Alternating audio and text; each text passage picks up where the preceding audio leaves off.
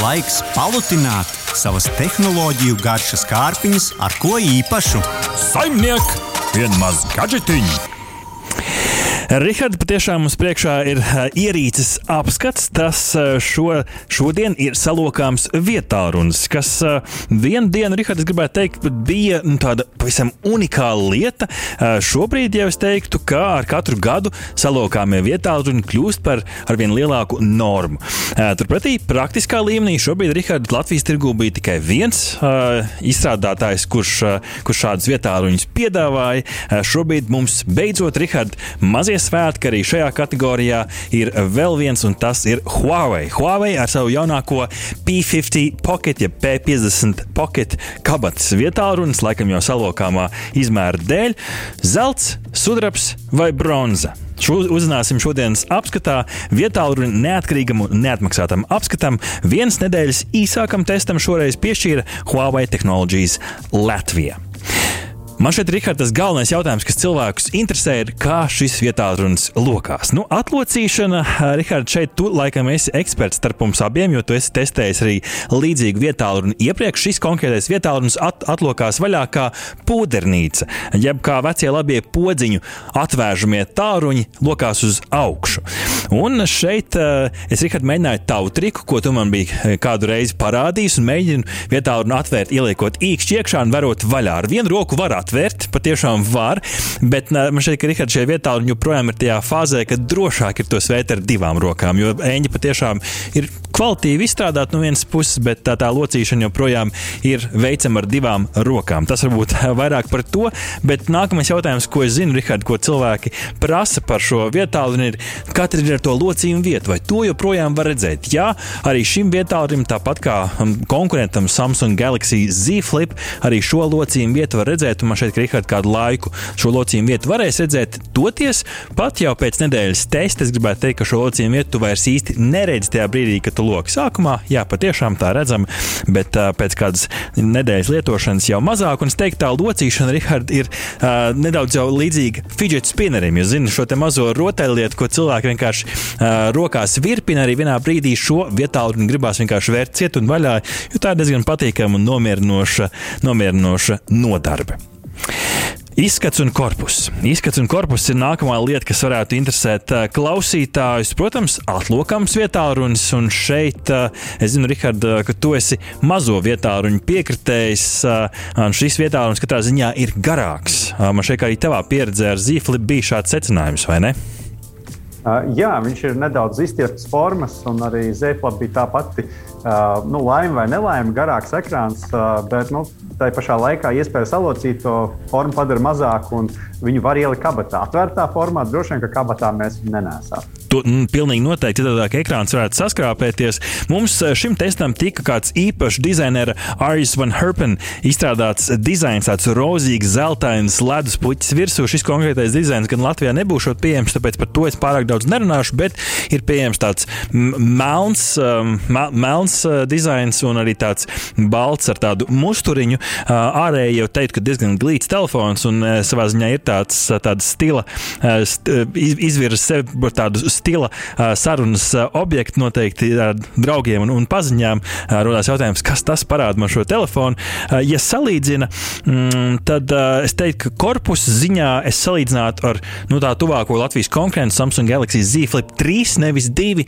Un tas ir kompliments noteikti Huawei, jo dizaina un izstrādes ziņā diezgan kvalitīvs korpus. Līdz ar to kompliments par, par šo. Eņģis izpildījums nu, nav nekas inovatīvs. Arī šī eņģa ieraujas iekšā tajā brīdī, kad vietā un atloka vaļā. Līdz ar to tā nemanāmi pazūd aiz vāciņa korpusa. Tas, kur šeit noteikti mazais virtuālais cepums Huawei telefonam, ir šis ārējais ekrāniņš. Apaļš ekrāniņš, es teiktu, pat man atgādināja tādu vietpulksteņa ekrānu, bet toties krāsains, spilgts un daudz ko arī var paveikt uz šī ekrāna. Man, man personīgi šķiet, ka labākais tāds ārējais ekrāna izpildījums, kādu šobrīd esmu redzējis, jo turpat var arī filmēt, fotografēt un veikt citas citas darbības, kur uzstādīt uz šī ekrāna. Iespējams, pat dažkārt vietā pat nevajag atvērt un kaut ko var izdarīt jau uz šī mazā, mazā ekrāna. Protams, telefonam, kā minēju, nav ultraspēcīgs stikls. Šeit to nemeklējiet, jo tas stikls ir salokāms, bet toties tev ir salokāms vietā. Un, un visticamāk, ja tas būs salocītā formā, arī kabatā, tad nenodarīs pāri. Drīzāk noskrāpēs varbūt ārējo, ārējo korpusiņu. Taipsī lādētājs audio jacks nav, bet tas jau vairs nav jaunums. Tas, kas ir būtiski, jauda un kvalitāte. Skarēni jutīgais ārējais ekrāns, šis mazais apējas ekrāns, viss kārtībā strādā bez, bez lagošanas, kā saka, saka tautā. Ekrāna iekšē, šī iekšējā ekrāna, galvenā ekrāna kvalitāte - 6,9 colu OLED ekrāns, pat 120 Hz atjaunošanās frekvence. Tas, ko šeit gribās izcelt, ka šis OLED ekrāns ļoti kvalitīvs attiecībā uz melno. Melnēs ir patiešām melns, varbūt izklausās kā tā, tādā reklāmā, bet arī testējot un skatoties, patiešām šķita, ka šī bilde un šie melnie, piemēram, skatoties dažādus video, melnās krāsas ir patiešām patiešām kvalitīvas. Uh, par skaņu. Nu, šī laikam ir tā vieta, kur varētu nedaudz piesieties. Rihards, no vienas puses telefonam ir stereo skaņa. Ja šī skaņa nāk no telefona apakšas, un šī augšējā tumbiņa, ko mēs parasti liekam pie auss, kur mēs dzirdam runātāju, viņa arī ir no vienas puses pietiekami skaļa, lai radītu stereo skaņas efektu. Bet šeit varbūt konkrētā modeļa vaina tikai, kas bija manā demo rīcībā, bet bija tāda sajūta, ka tās apakšējās tumbiņas ir par kriptiņu jaudīgākas, līdz ar to tā skaņa bija nevienlīdzīga milzīgi stereo. Visu laiku bija vienā ausī izklausījās skaļāk nekā, nekā otrā. Paspēlē arī Rihards Fortnite uz šī telefona 20 minūšu Fortnite spēle. Un šeit tas, ko es Rihards sēdu, bija nu, ziemā jau patīkams siltums. Vasarā varbūt ne tik ļoti.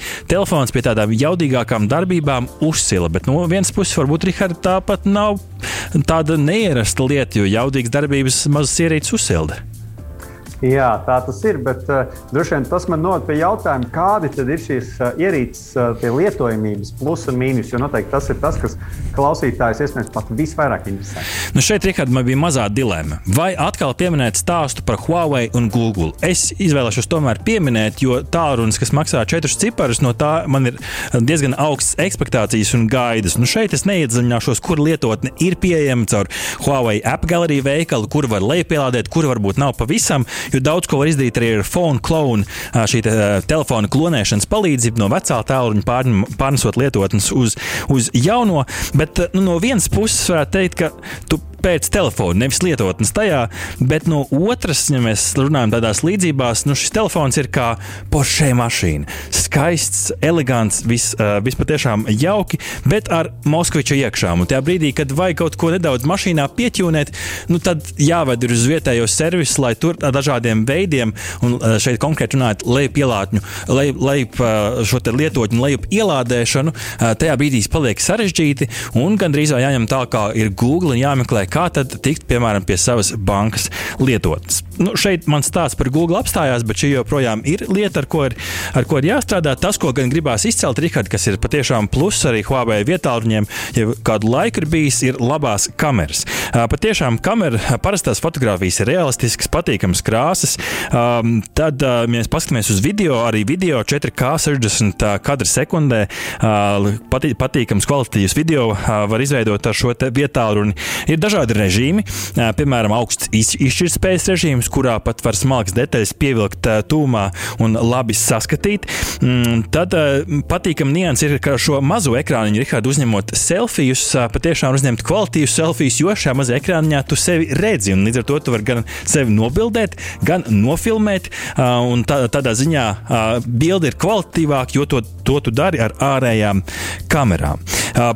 Paspēlējos ar dažādiem režīmiem, arī slow motion, protams, kas ir jau vietā, arī šis ir uh, līmenī, kas ir arī interesanti. Makro jeb tuvais līmenis. Šeit es eksperimentēju ar dažādu detaļu. Uh, pietuvināšana šeit noteikti tie, kas mūs skatās YouTube platformā, varēs redzēt arī piemērus no mūsu testiem, ka patiešām tādu lielu objektu var pievilkt pavisam tuvu, pieliekot kameru un redzēt šīs smalkās detaļas par to porainumu detaļas fragmentā. Mākslīgais intelekts nāk tālāk arī naktas fotografijās. Atkal YouTube skatītāji šo varēs labāk redzēt, bet, piemēram, parastajā fotorežīmā uzņemot bildi piķa melna tumsa ar šo īpašo nakts režīmu. Tāds krēsls režīms. Varbūt šī bilde nedaudz graudaina, bet tomēr. Un mazi interesanti nianses, Rihard. Fluorescējošās gaismas režīms, kad kameras šajā objektīvā sāk spīdēt zila gaisma un bija līdzīgs efekts kā naktas klubos, kur baltās krāsas izgaismojās spilgti zils. Arī šeit pāris piemēri, ko cilvēki skatoties mūsu video versiju varēs ieraudzīt. Maznians, horizonta stabilizētājs, ko es nebiju redzējis citās kamerās, patīkami, ka tu vari nostabilizēt pirms uzņem fotogrāfiju, viņš parāda, vai ir taisni.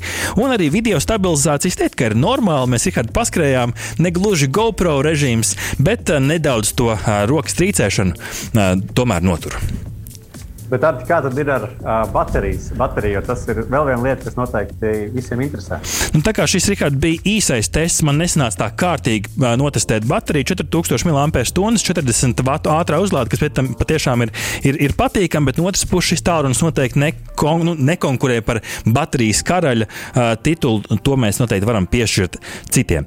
Rezumē. Mums, Rikārd, beidzot ir vēl kāds vietārunis šajā salokāmo vietāruņu kategorijā, un tas jau ir labi.